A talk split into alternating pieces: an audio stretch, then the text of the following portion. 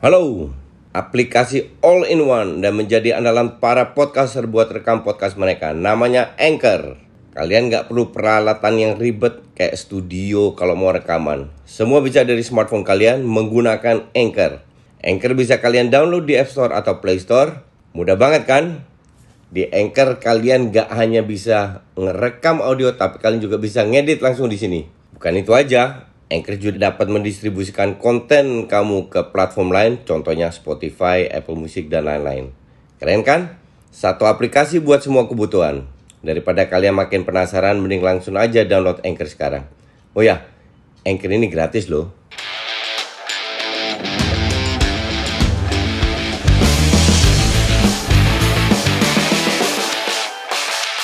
Salam Just Talk. Ya, gue kembali lagi dengan dua match yang sangat seru. Dua match tapi sangat worth it untuk ditonton. Dua match yang berbeda. Uh, berbeda dari sisi permainan. Kita mulai dari uh, Salam Just Talk dulu. Terus uh, bahas uh, Spurs. I'm Sayur ini main ketemu Leicester yang terkenal juga dengan parkir bis. Oke. Okay? Di babak pertama, ini yang main di kandang di London, oke? Okay? Di Spurs, bukan di uh, Leicester. Tapi kok kelihatannya main away ya, dalam arti nunggu justru Leicester lebih berani menyerang. Sehingga peluang ball possession di babak pertama juga lebih banyak sampai terakhir dapat uh, gol, gol penalti yang gue nggak habis pikir ya uh, si Ore ini gimana ya? Lu sebagai defender itu tahu kapan melakukan pelanggaran. Ini punggungnya itu di belakang gawangnya itu di belakang punggung. Jadi pemain Leicester itu nggak bisa ke mana-mana. Masih aja didorong. Yang sama sekali nggak perlu. Akhirnya di dikasih penalti lah 1-0 di menit-menit terakhir. Nah, gue bilang serunya itu lebih di Twitter daripada match ini. Gue bilang uh, kita lihat nanti di babak kedua apakah akan ada ada perubahan dari sisi permainan, oke? Okay? Nah, lu ntar bisa lihat dari statistik lah seperti apa statistiknya. Pas masuk babak kedua, ya gue nggak tahu ya. Katanya pelatih hebat katanya pelatih menang banyak trofi. Tidak ada satu trupas yang diberikan oke? Okay? crossingnya itu bukan dari sayap. Di mana mana klub seperti biasa itu crossingnya itu dari sayap kan karena ada Kane di di depan. Ini crossingnya dari belakang kan jadi gue pertanyakan uh, apa apa namanya sehebat apa pelatih ini kalau lu cuman melakukan crossing crossing di di uh, uh, da dari belakang ke depan sampai di babak pertama itu gue tweet uh, gue kirim tweet ini cuman dribbling dribbling nggak jelas crossing crossing udah. Dan itu berlanjut di babak kedua. Cuman bedanya Leicester masih ngelawan di babak pertama. Di babak kedua, Leicester lebih bertahan. Ya udah unggul, wajar lah. Itu itu Leicester ngincar counter attack. Dan mereka mendapatkan beberapa counter attack yang uh, apa namanya? Yang nggak nggak terjadi gol lah sampai gol bunuh dirinya si Alderweireld 2-0. Tapi Spurs itu nyaris nggak dapat peluang. Itu pemain yang yang hebat yang yang katanya menang uh, award yang juga pernah dimenangin pemain Malaysia itu nggak kelihatan. 90 menit nguber pantat. Lari-lari doang. Sama sekali nggak kelihatan. Dapat setengah peluang sekali-sekali passing-passing oke. Okay.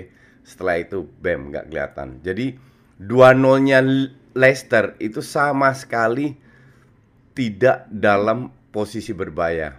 Apakah Leicester main bagus? Nggak juga. Terlalu banyak salah passing Leicester ini pun juga akan akan pelan-pelan akan turun ke bawah karena uh, ketemu tim yang yang benar-benar bertahan pada saat mereka susah cetak gol atau kebobolan duluan mereka kesulitan. Kalau nggak salah mereka ini kalah lawan Everton juga kalau nggak salah ya.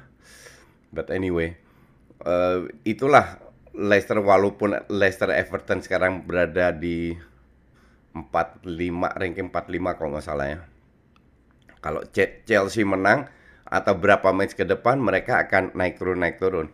Tapi Spurs ini nggak layak masuk empat besar, sama sekali tidak. Dengan permainan seperti ini yang nggak ada visi di belakang permainan, murni mengandalkan space untuk speed dan finishing. Kalau space itu tidak dapat dan itu tidak diberikan oleh Leicester, ya selesai ini barang, selesai ini tim. Jadi ini tim nggak nggak akan ke mana-mana pelan-pelan. Sekarang MU tadi menang, sekarang udah kering 5. Kalau Chelsea besok menang, poinnya sama sama Chelsea. Chelsea uh, golnya lebih bagus, turun ke rank 6 dan pelan-pelan akan turun. Dengan permain Mourinho kayak begini, kita lihat nggak percaya. Padahal tiga match terakhir dua kali kalah sekali seri. Artinya tiga kali Spurs tiga match terakhir kehilangan poin, uh, kehilangan 8 poin malah. Oke, terus ke match berikutnya, MU MU Leeds di atas kertas seru. Kenapa? Karena Leeds tidak pernah bermain bertahan dan selalu menyerang whatever skornya dan Leeds itu kebobolan paling banyak di IPL. Tapi cetak gol juga lumayan banyak. Di menit-menit pertama kayaknya belakang itu nggak fokus hari ini. Biasanya sih emang nggak terlalu bagus tapi hari ini ancur-ancuran. 1-0 McTominay 2-0 ke 2 3 menit 2 gol. Habis itu baru sedikit sedikit bangun. Mulai menyerang. Hola, gue mau ngenalin kalian aplikasi rekaman andalan gue, Anchor. Jadi Anchor ini aplikasi yang lengkap buat para podcaster. Kita bisa ngerekam, ngedit, tambah musik, efek, bahkan sampai upload ke platform lainnya. Semua bisa dari Anchor. Nah, aplikasi Anchor ini bisa kalian download di App Store atau Play Store. Dan juga di website di www.anchor.fm. One app that your podcast needs. Oh ya, Anchor ini gratis ya. MU kalau ketemu tim yang berani keluar, ketemu City, ketemu Liverpool, ketemu Chelsea, itu mereka bisa bermain, terutama dengan Bruno. Kalau Bruno lagi on fire seperti tadi, semua keangkat. Dan tadi Bruno on fire, on fire banget. Man of the match untuk gue sih McTominay.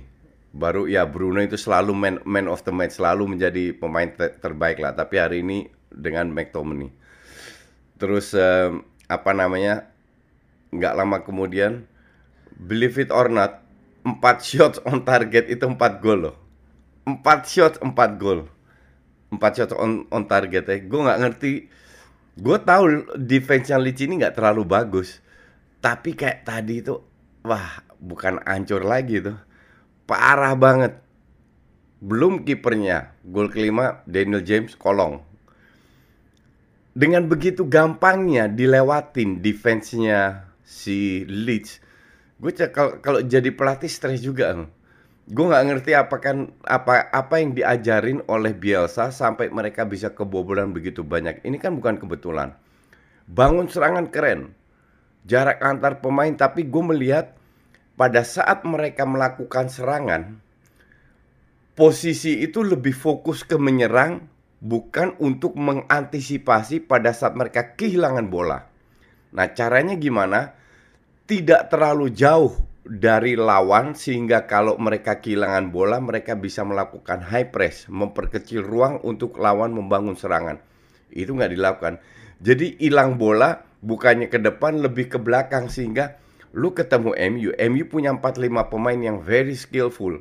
Diobok-obok dan dan benar-benar diobok-obok malam ini.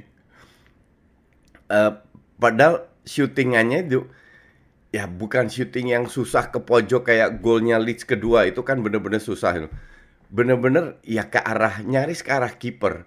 Cuman kipernya juga bapuknya minta ampun. Dan terjadilah sebuah match yang luar biasa. Bielsa itu sadar bahwa uh, bedanya Bielsa sama Mourinho. Bielsa sadar bahwa match se sebuah match sepak bola itu yang nonton bukan hanya kedua fansnya. Itu yang nonton banyak fans netral, bahkan mungkin lebih banyak fans netral dalam match seperti ini. Dan fans netral kayak gue sangat terhibur, sangat amat terhibur. We don't care siapa yang menang, siapa yang bikin sedikit kesalahan dia yang menang dan malam ini MU yang bikin dikit kesalahan dengan efektivitas cukup tinggi terutama di babak pertama babak pertama skor 4-1 ya. Akhirnya 6-2 eh apa namanya? Di babak kedua nggak berubah. Tetap fight. Hanya terlalu banyak pemain di di depan bola dan koordinasi pada saat transisi itu nyaris nggak ada. Dan di belakang gue bilang gue bingung.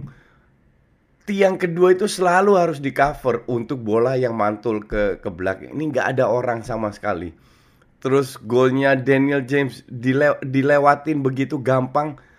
Defense-nya gue gue nggak ngerti. Selalu salah positioning sampai ya kebobolan itu lewat kolong pula. Tapi pada saat mereka menyerang cukup berbahaya, tapi hanya terlalu banyak passing yang juga salah untuk membangun serangan. Cuman apa namanya kalau kita lihat kualitasnya Leeds ini kan kualitas biasa bang biasa banget ya. Jadi mereka butuh teamwork lah. Dengan teamwork yang mereka tunjukkan, mereka bermain sangat atraktif, bener-bener maksimal banget. Cuman pemainnya atau biasa kadang lupa bahwa defense itu juga bagian dari strategi. Bukan bermain parkir bis, bukan bermain di defensif ya. Jadi antar menyerang dan defense itu harusnya imbang bukan dalam tiga menit udah kebobolan dua gol dengan kayak defense kayak kayak kayak begitu itu mah cari penyakit. Harusnya skor itu berapa? Eh sepuluh lima. Kalau sana sepuluh lima nggak heran. Nanti di di awal-awal uh, gue bahas match ini gue akan akan kasih statistik. Kalian bisa melihat begitu MU kalau nggak salah berapa? 28 peluang kalau nggak salah. Shots attempts lah. Jadi ini yang gue harapkan match seperti ini yang yang benar-benar menghibur, yang seru, biar orang yang suka sepak bola itu juga menikmati, bukan hanya fansnya aja. Kita lihat besok Chelsea seperti apa dan um, ya, yeah, I see you tomorrow. Thanks for watching.